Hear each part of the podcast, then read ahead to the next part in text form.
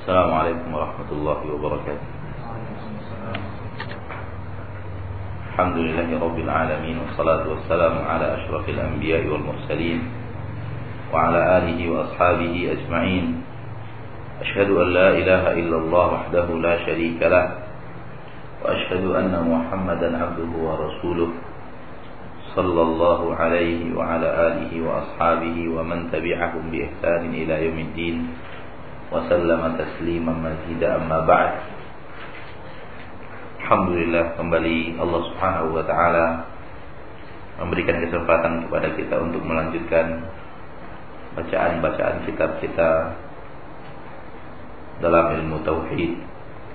Semoga Allah Subhanahu wa taala terus menumbuh kembangkan di dalam jiwa kita semangat untuk mengetahui dinullah yang telah Allah turunkan kepada para nabi dan para rasul. Amin ya rabbal alamin. Kita lanjutkan matan yang terdapat dalam kitab Kashfus Syubuhat. Berikutnya adalah Idza arafta ma qultu laka Idza arafta ma qultu laka ma'rifata qalbin Apabila engkau telah tahu apa yang aku katakan kepadamu ma'rifata qalbin pengetahuan hati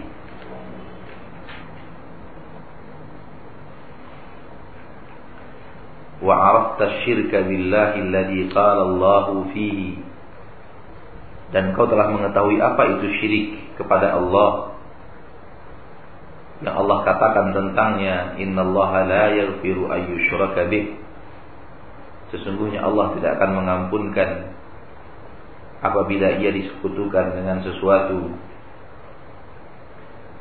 Wa arafta dinallahi alladhi ba'atha bihi rusula dan engkau telah tahu agama Allah yang buat pegang buku halaman berapa sekarang? Nah, dia buku yang ada yang fotokopi sama saya yang 49 yang pegang buku ini 55 yang pegang buku terjemahan di halaman 55 kita lihat sebagian ikhwan. Wa arafta dinallahi alladhi ba'atha bihi rusula. Dan engkau mengetahui din Allah, agama Allah yang Allah utus dengannya para rasul. Min awalihim ila akhirihim. Dari yang pertama sampai yang terakhir daripada mereka para rasul alladzi la yaqbalu Allahu min ahadin dinan siwa. Yang mana Allah Subhanahu wa taala tidak menerima dari seseorang agama selain itu. Wa arafta ma asbaha ghalibun nasu fihi. Dan engkau tahu apa yang terjadi. Ghalibun nasi pada kebanyakan manusia minal jahli bihadza daripada kebodohan tentang masalah ini masalah tauhid dan syirik afadaka faidataini itu akan memberikan kepadamu dua faidah. Itu akan memberikan kepadamu apa adakah memberikan faedah kepadamu faidatain dua faedah. Al-ula faedah yang pertama al-farahu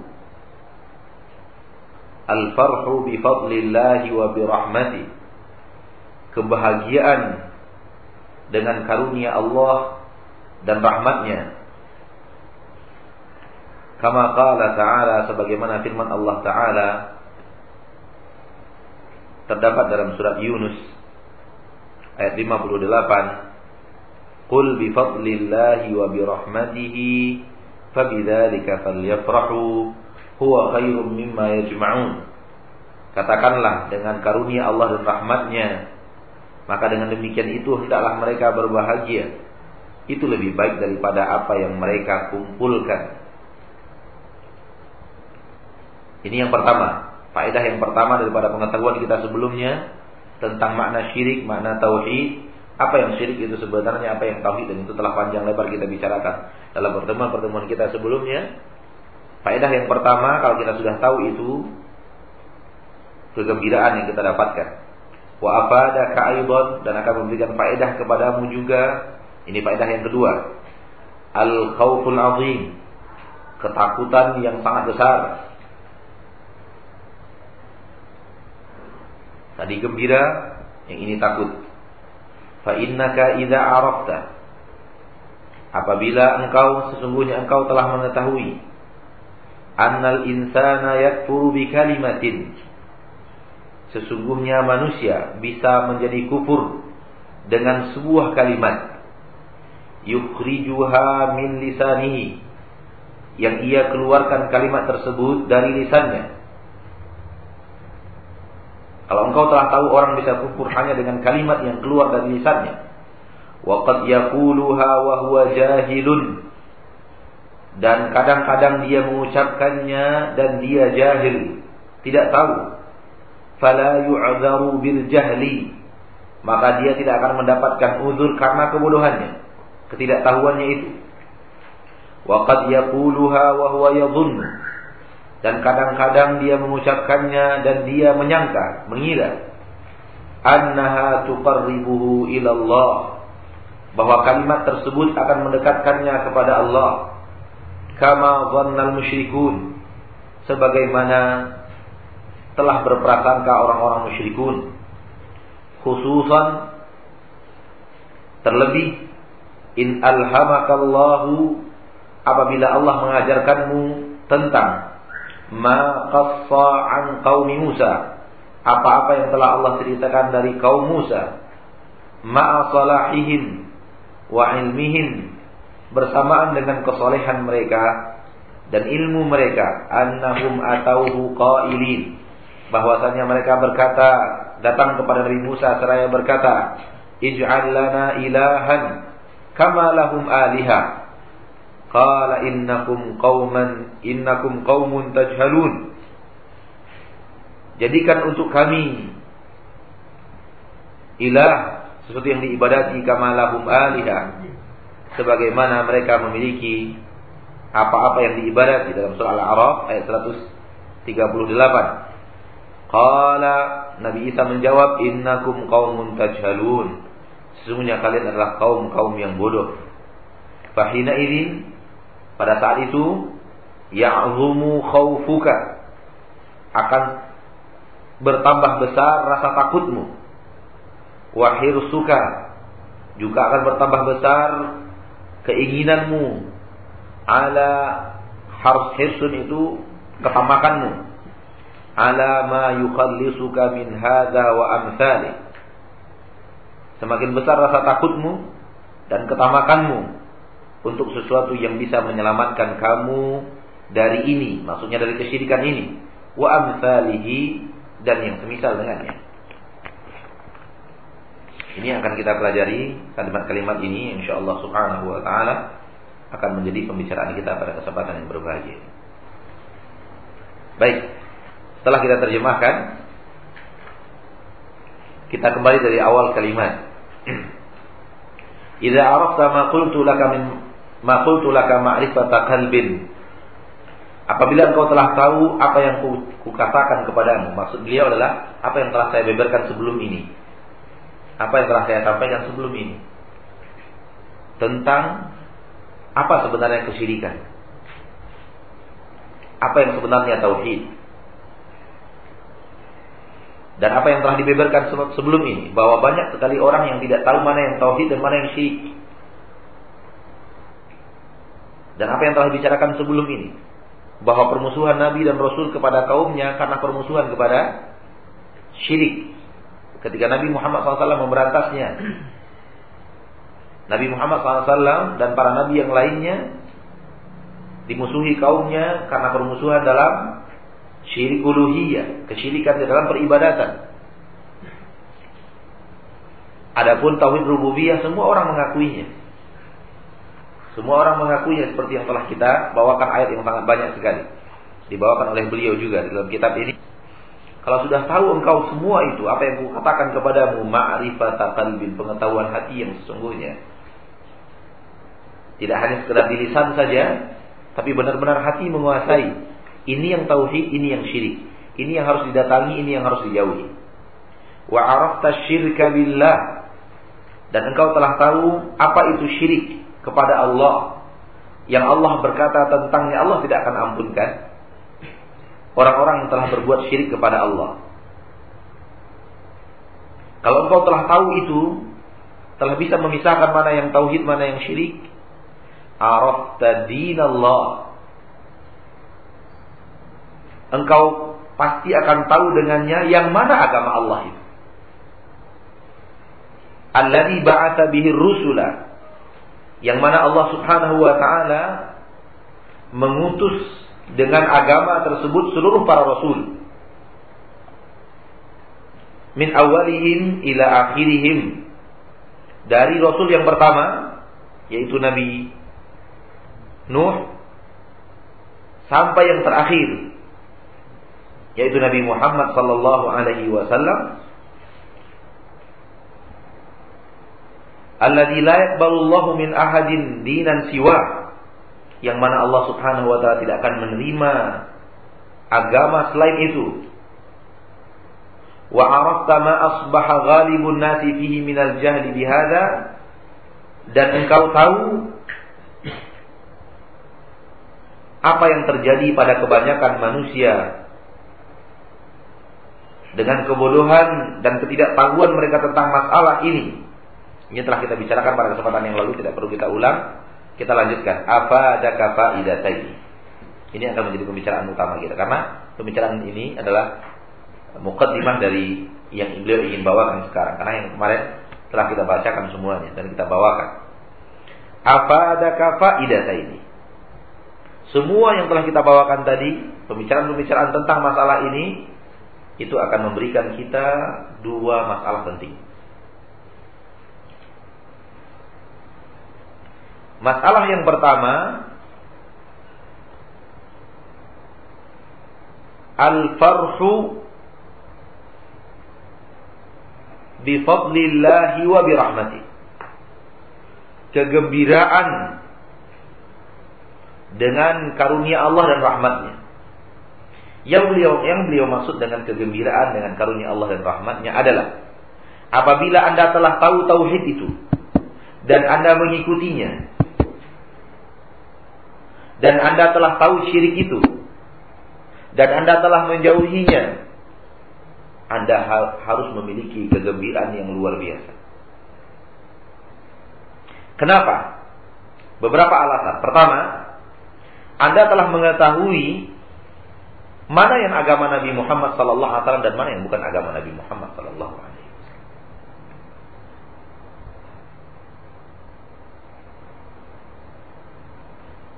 Yang kedua, Anda mengetahui mana yang akan bisa membawa orang ke surga dan mana yang bisa menjerumuskan menjerumuskan orang ke neraka.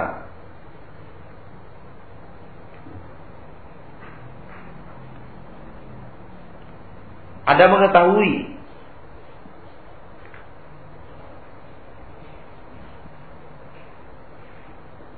mana yang diridhoi oleh Allah dan dicintainya, hal yang paling diridhoi oleh Allah dan paling dicintainya, dan hal yang paling dibenci oleh Allah dan paling dimurkainya.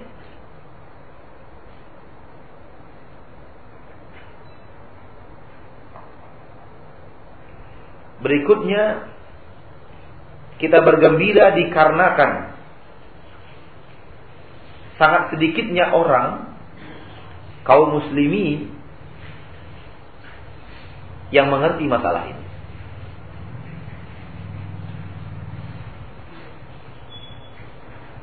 Ikhwani wa akhwati fiddin, seandainya masalah ini, masalah tauhid ini mayoritas orang mengetahuinya dan itu yang sebenarnya yang kita inginkan. Mayoritas orang mengetahuinya, hanya sedikit yang tidak tahu. Kita sangat bergembira ria apabila kita termasuk dari mayoritas orang yang tahu tauhid itu. Bagaimana halnya kalau terjadi yang sebaliknya? Yang tahu itu hanya sedikit. Tentu kegembiraan kita terhadap pengetahuan kita tentang tauhid jauh akan lebih besar di saat yang tahu dan selamat daripada sentuhan syirik itu hanya sedikit dan banyak sekali orang yang terjerumus ke dalam kesyirikan tanpa mereka ketahui. Ini yang membuat kita bergembira.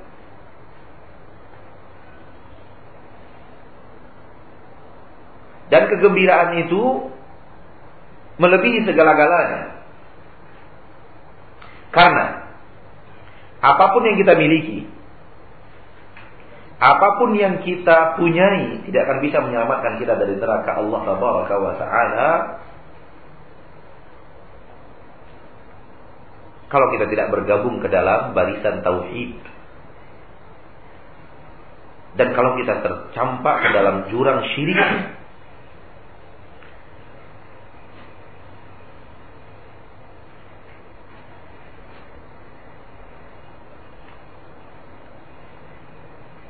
Di sini kita tambahkan bahwa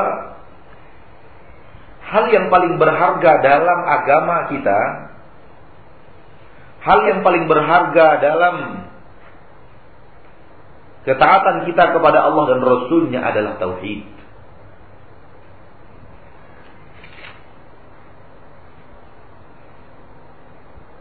Dan selamatnya kita dari syirik. Itu hal yang paling berharga dalam hidup kita.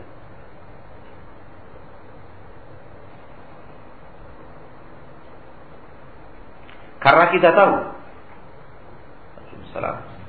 Kalau itu tidak ada, tidak akan pernah kita bisa keluar dari neraka Allah wa.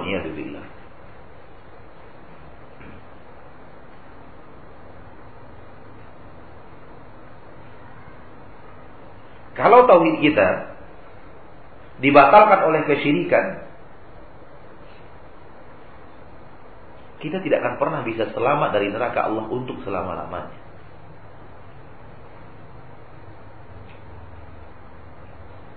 Kenapa kita tidak bahagia dan bergembira dia ketika ada orang yang telah menunjukkan kita jalan tauhid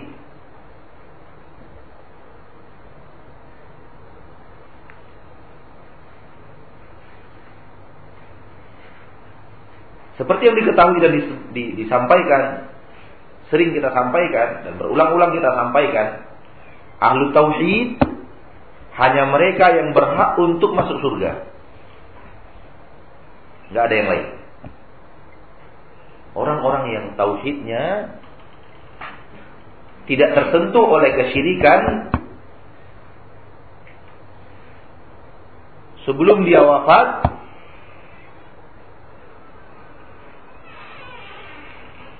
Kalau kau pun pernah tersentuh oleh kesyirikan, dia sudah bertaubat sebelum dia wafat. Dari saat dia bertaubat sampai wafat tidak pernah terjamah lagi oleh kesyirikan, merekalah orang-orang yang berhak masuk surga. Jadi pada dasarnya surga dan neraka itu terbagi dua saja. Surga untuk orang-orang yang bertauhid dan tidak pernah melakukan syirik dan neraka untuk orang-orang yang berbuat syirik. Itu saja pembagiannya. Kalau toh pun Nabi SAW mengatakan, kalau toh pun dia berbuat dosa, kalau toh pun dia pernah berbuat dosa, dan dosa itu dibawa mati tanpa bertaubat dan dosa itu besar, ada dua kemungkinan saja. Kemungkinan yang pertama, asalkan tauhidnya tetap terjaga, konsep la ilaha illallahnya tidak pernah dia batalkan dengan perkataan, perbuatan, dan keyakinan terjaga tauhidnya, terjaga dia daripada sentuhan syirik. Syirik akbar tentunya, bukan syirik kecil. Syirik kecil hampir semua orang tidak bisa selamat daripadanya. Dengan dalil bahwa Nabi Muhammad SAW mengkhawatirkan riak kepada para sahabat. Nabi Muhammad mengkhawatirkan riak kepada siapa? Para para sahabat. Inna akhwafa ma alaikum asyirkal asghar yang paling mengkhawatirkan kepada kalian syirik kecil. Itu para sahabat. Kalau untuk para sahabat dikhawatirkan Nabi syirik kecil, siapa kita? Soal syirik kecil, hampir semua manusia sulit untuk lepas daripadanya. Itu tidak akan, bukan itu pembahasan kita. Yang kita inginkan di sini adalah syirik yang membatalkan la ilaha illallah. Kalau toh pun terjadi dosa-dosa besar, kalau toh pun terjadi kemaksiatan-kemaksiatan yang kita belum bisa bertaubat, dan Allah Subhanahu wa taala tidak anugerahkan taubat kepada kita di dunia, dan itu kita bawa wafat tanpa kita tersentuh oleh dosa syirik, masih ada dua kemungkinan. Kemungkinan yang pertama, Allah ampunkan dosa kita semuanya dan Allah masukkan kita ke surga tanpa neraka.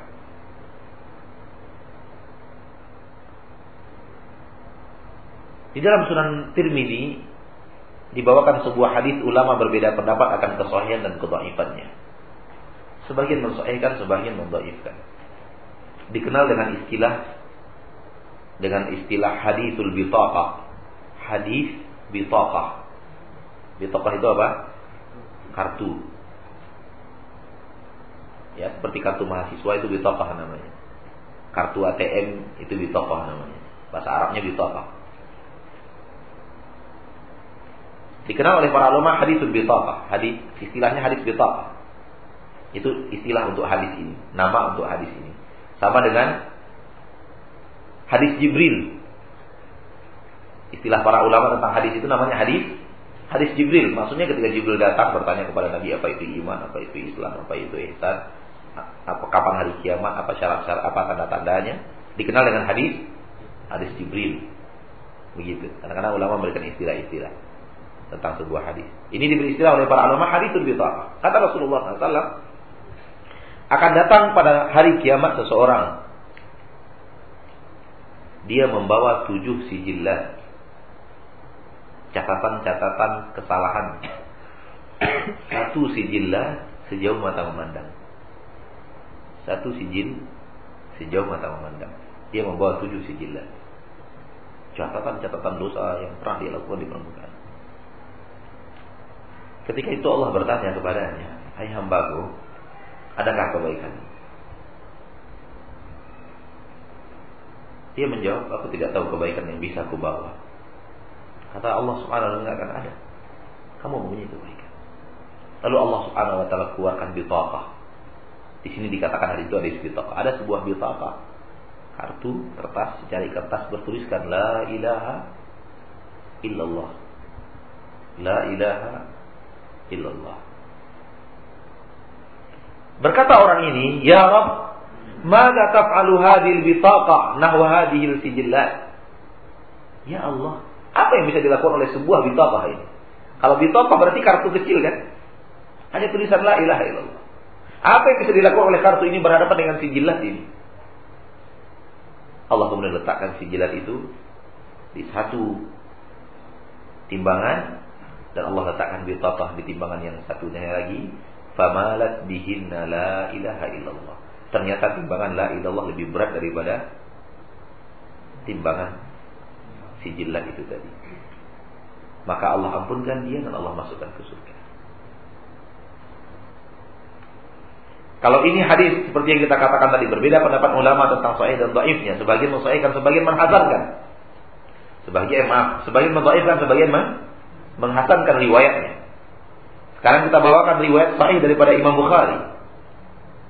Diceritakan di dalam Sahih Bukhari ada seorang ayah, ada seorang ayah yang ketika sakit di akhir hayatnya mengatakan kepada anak-anaknya di saat aku nanti wafat, bakar jasadku dan debunya tebar setengahnya di laut, tebar setengahnya di darat. Dia perintahkan anak-anaknya untuk melakukan itu. Dan anak-anak mereka, anak-anaknya melakukan setelah ayahnya wafat, mereka jalankan wasiat ayahnya. Dibakar jasad ayahnya dan debunya itu setengahnya dibuang di lautan, setengahnya dicampakkan. Nabi mengatakan ketika orang itu nanti dibangkitkan oleh Allah Subhanahu wa taala bertanya, "Kenapa kamu lakukan itu?" Ia berkata, "Ya Allah, aku tahu aku banyak berbuat dosa. Dan aku yakin kalau aku bertemu denganmu engkau tidak akan engkau akan azab aku dan aku takut akan azab." Aku perintahkan anak-anakku melakukan itu agar aku tidak bertemu dengan adabmu karena aku sangat takut dengan adab.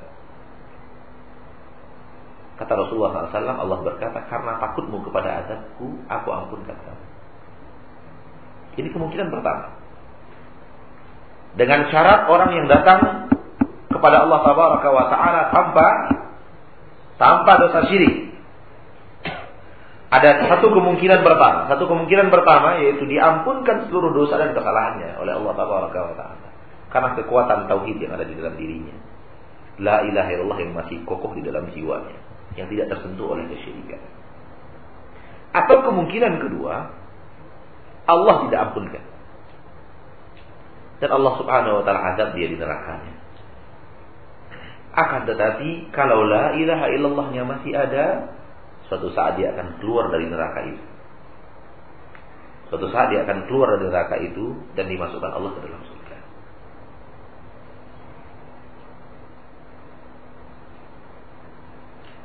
Dan telah banyak hadis-hadis keterangan dari Rasulullah SAW datang dalam masalah ini. Pertanda, satu-satunya yang bisa memasukkan kita ke dalam surga adalah tauhid. Satu-satunya. Surga adalah tempat orang-orang yang bertauhid, neraka tempat-tempat orang berbuat syirik. Habis. Kalau begitu adanya, maka kebahagiaan yang luar biasa harus timbul dalam jiwa seorang muslim dan muslimah, mukmin dan mukminah di saat dia diajarkan orang, diberikan Allah pengetahuan tentang yang tadi nih, yang tadi sebelumnya. Kalau engkau tahu apa itu tauhid, apa itu syirik, apa itu agama Allah yang telah Allah Allah ajarkan kepada Rasulullah, apa itu agama yang Allah tidak menerima, agama selain itu, berbahagialah. Makrifat akal, pengetahuan sebenarnya dalam hati. Yang tentu kalau hati sudah membenarkan, hati sudah yakin akan membawa anggota tubuh untuk mengamalkannya. Kalau itu sudah Anda lakukan, bergembira. Karena itu yang termahal dalam hidup kita. Kita tambahkan, kalau kita sudah tahu ikhwani wa akhwati fiddin, ini yang wajib pertama kali kita untuk sampaikan kepada orang yang kita cintai.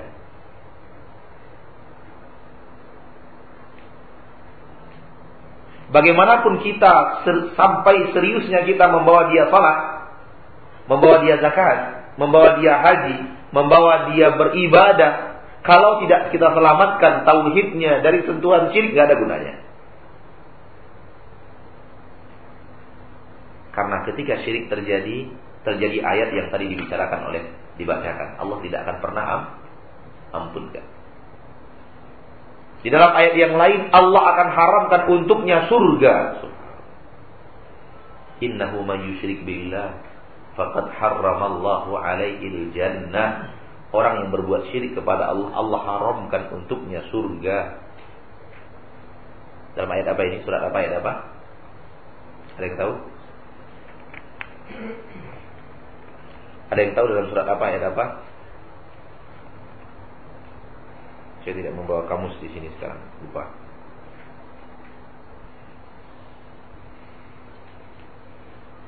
Biasanya kemari bawa kamus. Tapi yang pasti saya nggak ngarang ya. Ada ayat di dalam Al-Quran, Innahu man yushrik billah, faqad harramallahu alaihi jannah. Sesungguhnya orang yang berbuat syirik kepada Allah, Allah haramkan untuknya surga. Wa ma'wahun nar. Dan tempat kembalinya adalah neraka. Wa ma min ansar. Dan tidak ada untuk orang-orang yang zalim, artinya orang-orang berbuat syirik min ansar daripada penolong.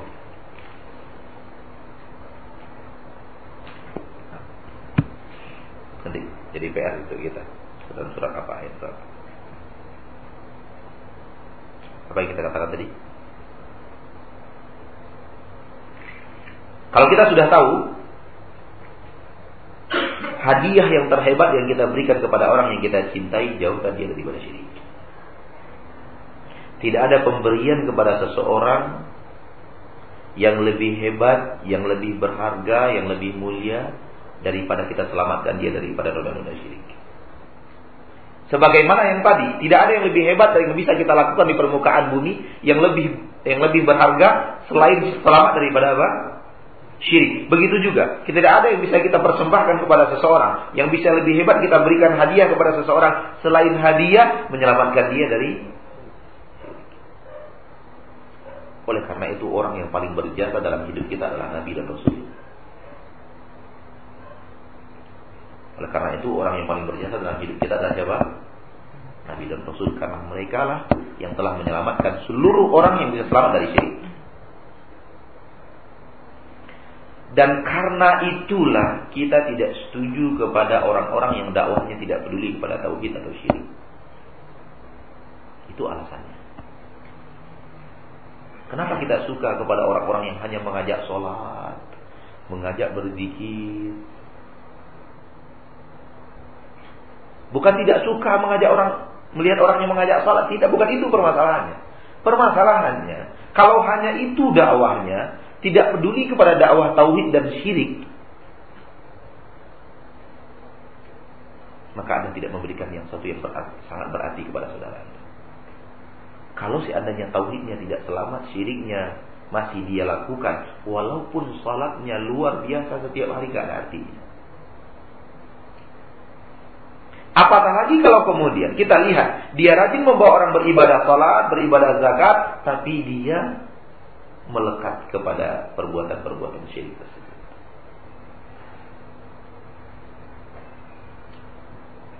Kalaulah Allah dan Rasul Allah Subhanahu wa taala tidak mengutus para nabi dan para rasul kecuali tugas utama mereka menyelamatkan manusia dari sentuhan syirik. Lalu kenapa ada orang yang mencoba berdakwah tidak peduli kepada tauhid dan tidak peduli kepada keterangan apa itu syirik? Antara dakwah Nabi dan Rasul dengan dakwah mereka berbeda jauh. Nah, lalu dia membawakan ayat di sini dalam surat Yunus. Kalau Allah Taala Allah berfirman, Qul bi fadlillahi wa bi rahmati. Katakanlah dengan anugerah Allah dan rahmatnya. Fabidzalika falyafrahu. Hal dengan hal yang demikian itu hendaklah mereka bergembira ria. Huwa khairum mimma yajma'un. Dia lebih baik daripada apa yang mereka kumpulkan. Di sini mereka kumpulkan maknanya adalah dunia. Anugerah Allah, pengetahuan Allah yang Allah berikan kepada kita, hidayah yang Allah berikan kepada kita, pengetahuan syariat dan hidayah Allah kepada diri kita tentang berada di atas jalur hidayah, syariat, di atas Al-Quran, di atas rahmatnya, di atas pengetahuan tentang syariat, dan mendapatkan sesuatu dengan syariat tersebut. Itu lebih baik daripada apa yang dikumpulkan manusia daripada dunia. Di dalam ayat ini ada anugerah Allah, fadl. Anugerah Allah. Dan makna anugerah di sini adalah hidayah yang Allah berikan kepada kita. Di dalam ayat ini ada rahmat. Ini menunjukkan bahwa hidayah Allah akan membawa rahmat dalam hidup kita. Hidayah Allah akan membawa apa? Rahmat dalam hidup kita.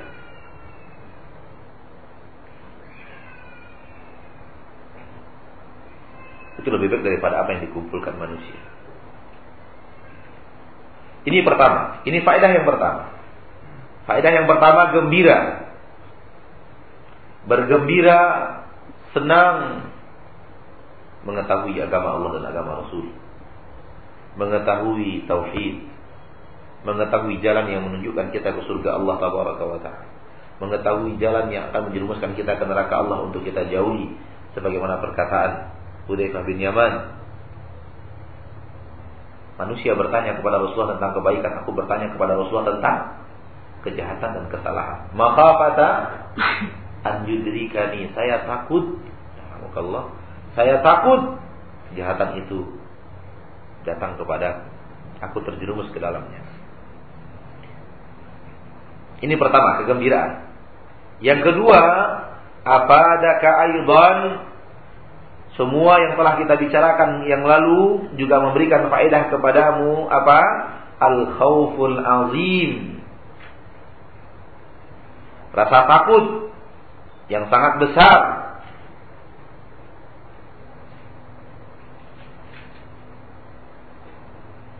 Rasa takut atas diri kita, ancaman dan bahaya kepada diri kita, rasa takut, ancaman dan marah bahaya kepada akidah kita, agama kita. orang yang tidak ada rasa takut di dalam jiwanya terhadap agamanya, terhadap akhiratnya, itu dianggap orang-orang yang merasa aman. Dan sifat itu tercela dalam agama Islam.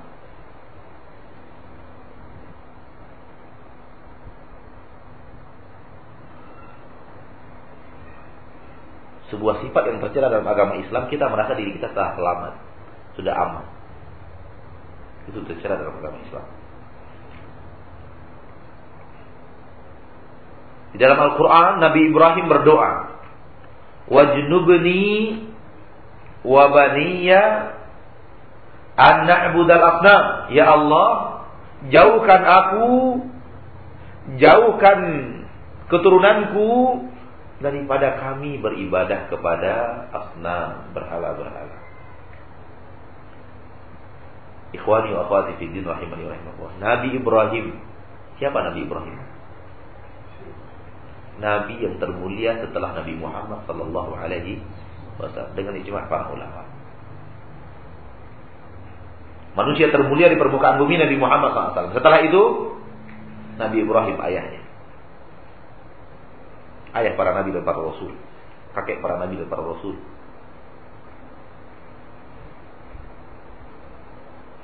manusia nomor dua di permukaan bumi. Alal itlaq secara mutlak. Ia berdoa kepada Allah, dinukilkan oleh Allah di dalam Al-Quran, Ya Allah jauhkan aku daripada kesyirikan. Kalau Nabi Ibrahim takut hidupnya akan terjerat ke dalam kesyirikan, siapa kita yang merasa telah aman daripada jebakan syirik? Tak boleh.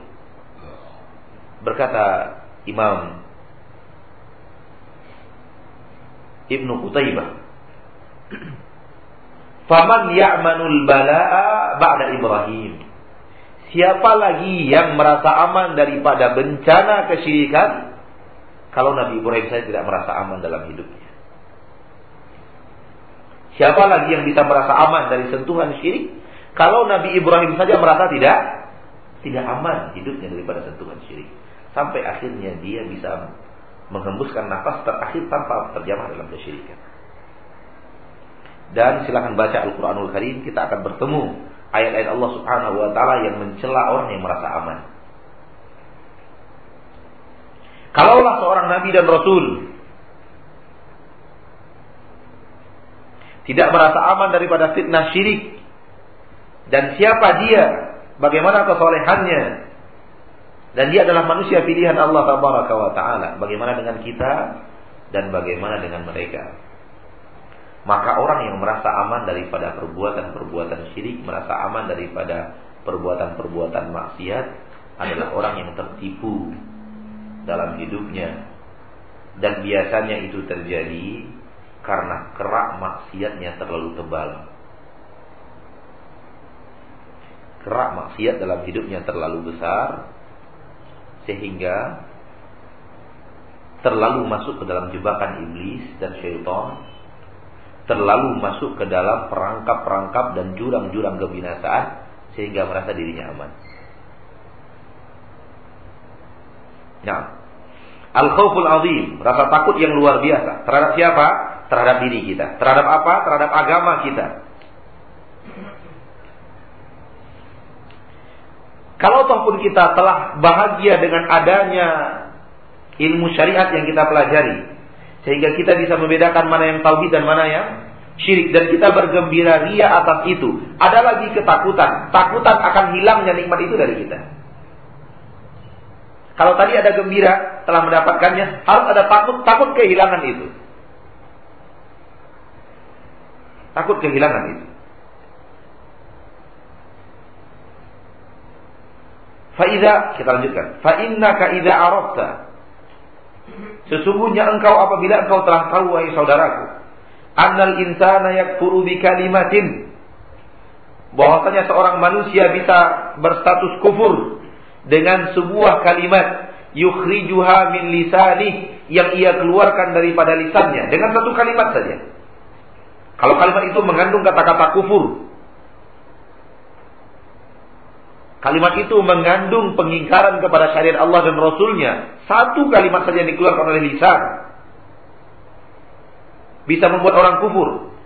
Waqad yaqulu wa huwa jahil. Mungkin dia mengucapkannya karena ketidaktahuannya.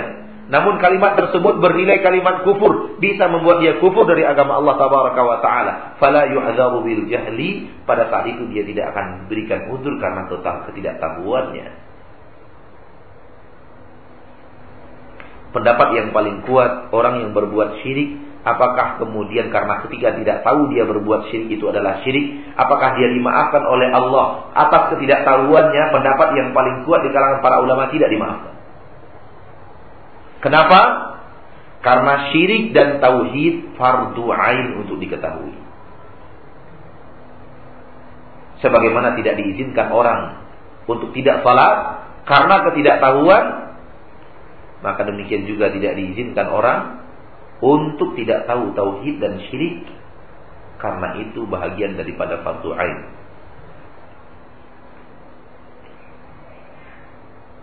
Satu kalimat bisa mengeluarkan seorang muslim dari agama Allah masuk ke dalam dunia kekufuran.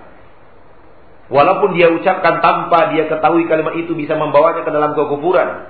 Apa yang tidak membuat kita takut? Kalau satu kalimat bisa mengeluarkan kita dari dari agama Allah dan Rasul.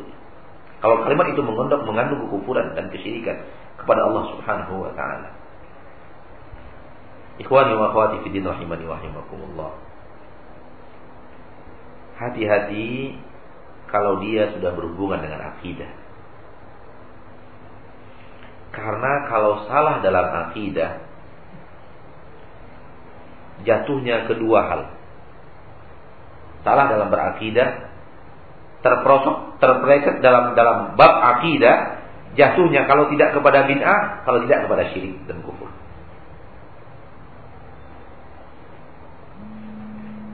Salah dalam bermuamalah, Salah dalam berbuat, bukan dalam akidah, jatuhnya kepada dua. Kalau tidak bid'ah, kalau tidak maksiat. Kalau tidak bid'ah, kalau tidak apa?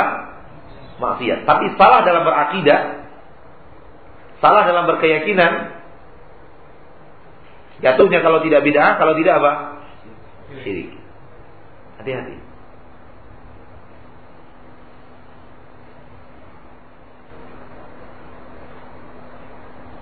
Saudaraku kaum muslim dan muslimat, coba perhatikan dalam hidup kita. Betapa banyak orang-orang yang kemudian mengatakan yang kemudian mengatakan tidak bisa lagi hukum Allah itu dipakai di permukaan bumi sekarang untuk zaman ini. Tidak bisa lagi, tidak bisa. Tidak cocok lagi hukum yang ada di dalam Al-Quran itu untuk dipakai sekarang.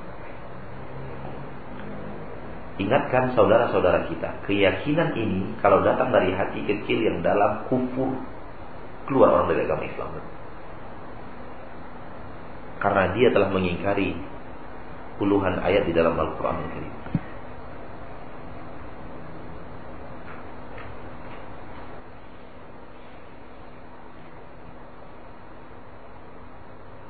Tidak bisa lagi dipakai. Tidak cocok lagi dipakai. Al-Quran ini dan hukum yang ada di dalamnya tidak cocok lagi dipakai sekarang. Sudah saatnya diganti. Kalau itu yakin dia dengan keyakinan itu yang dibawanya mati, keyakinan itu membuatnya keluar dari agama Islam. Karena dia telah kufur dengan banyak ayat di dalam Al-Quran ini. Yang menerangkan bahwa hukum Allah yang harus di tapi selagi dia dia sebagai seorang pengacara, dia sebagai seorang hakim. Apa jabatan dunianya hakim. Tetapi senantiasa dia hatinya sebenarnya resah. Dia tahu bahwa ini maksiat. Tapi dia belum bisa keluar daripada jebakan maksiat ini. Dan setiap dia menghukum sesuatu, memukulkan palu di di meja persidangan, Hati kecilnya menjerit, Ya Allah aku telah berbuat maksiat. Ini orang-orang yang bertauhid. Dan apa yang dia lakukan adalah dosa besar. Apa yang dilakukan adalah apa? Dosa besar. Tetapi walaupun dia tidak menjadi hakim dan dia tidak menjadi pengacara dan dia tidak menjadi penuntut dan dia tidak berada dalam lingkungan yang seperti itu, kemudian dia hanya berada di masjid rajin baca Quran, tapi dalam hati kecilnya keyakinan bahwa ini hukum Allah sudah nggak layak. Yang paling bagus sekarang hukum yang dibuat oleh kita, hukum yang ada di sini dan di sini. Walaupun dia tidak pernah melakukannya. Walaupun dia tidak pernah masuk persidangan. Keyakinan itu membuatnya keluar dari dalam Islam. Hati-hati. Waqat yakuluha kita lanjutkan. Dan boleh jadi ada orang yang mengucapkan kalimat sebuah kalimat wa huwa yadhunnu annaha tuqarribuhu ilallah. Dan dia merasa bahwa kalimat itu bisa mendekatkan dirinya kepada Allah tabaraka wa taala sedekat-dekatnya. Kama dhannal musyrikun.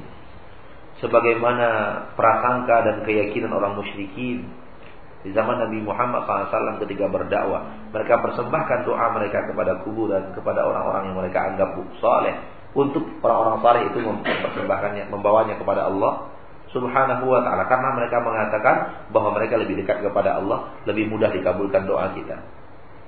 Mereka beribadah kepada berhala-berhala tersebut bukan karena berhala itu, karena ingin mereka ingin lebih dekat lagi kepada Allah Subhanahu wa maksud dan tujuan mereka ibadah, tapi mereka melakukan sebuah kesyirikan.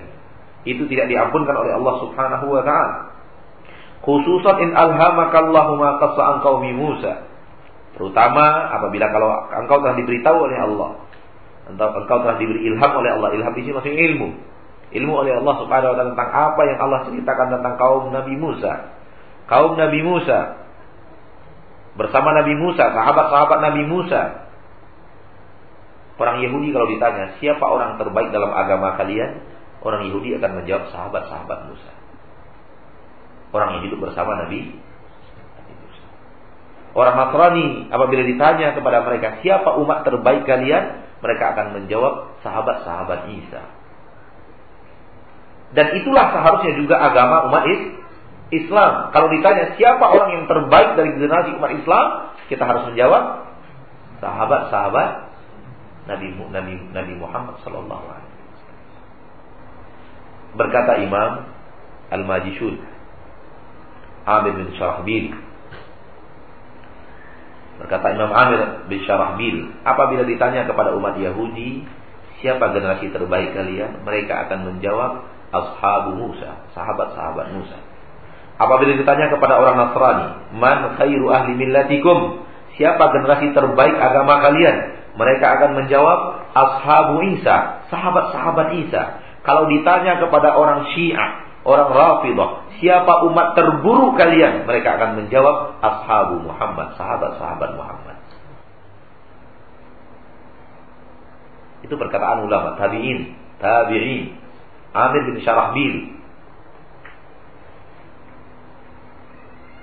Amir bin Syarahbil.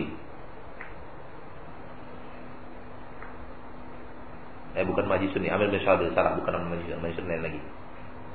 Itu perkataan beliau. Jadi orang-orang Syiah dari dulu benci kepada sahabat-sahabat Nabi Muhammad. Ini kalangan tabi ini, kalangan tabi generasi setelah para sahabat. Kalau orang Syiah ditanya, orang Yahudi ditanya siapa ahli yang terbaik? Sahabat-sahabat Muhammad, Musa. Orang Nasrani ditanya siapa yang terbaik? Sahabat-sahabat Isa. Orang-orang kalau yang Yahudi, orang-orang Syiah ditanya siapa yang terburuk? Mereka baru akan menjawab sahabat-sahabat Muhammad. Waliyadzubillah. Bersama bersamaan dengan salah kesolehan sahabat-sahabat Musa. Il ilmunya sahabat-sahabat Musa. Ketika mereka berkata kepada Nabi Musa alaihi salam ij'al lana ilah. Tunjukkan buatkan untuk kami ilah kama lahum aliyah sebagaimana mereka mempunyai ilah. Ada sesuatu yang jelas yang nampak yang kami bisa kami ibadati. Apa kata Nabi Musa kepada mereka? Innakum qaumun tajhalun. Kalian adalah umat yang bodoh kesolehan yang selama ini tidak bermanfaat. Ilmu yang selama ini tidak bermanfaat. Kalau itu yang mereka katakan berarti mereka belum tahu apa yang agama dan apa yang bukan agama. Fahina idin ketika itu ya'zumu khawfuka. Semakin besar rasa takutmu. Wahil suka. Semakin besar rasa tamakmu. Untuk mendapatkan sesuatu ma yukhallisuka min hada yang bisa menyelamatkan kamu dari ini dari jebakan syirik ini wa amsalihi dan yang semisal dengannya. Sampai di sini dan kita lanjutkan dengan tanya jawab insyaallah setelah salat. Insyaallah sallallahu alaihi wasallam Nabi Muhammad walhamdulillah.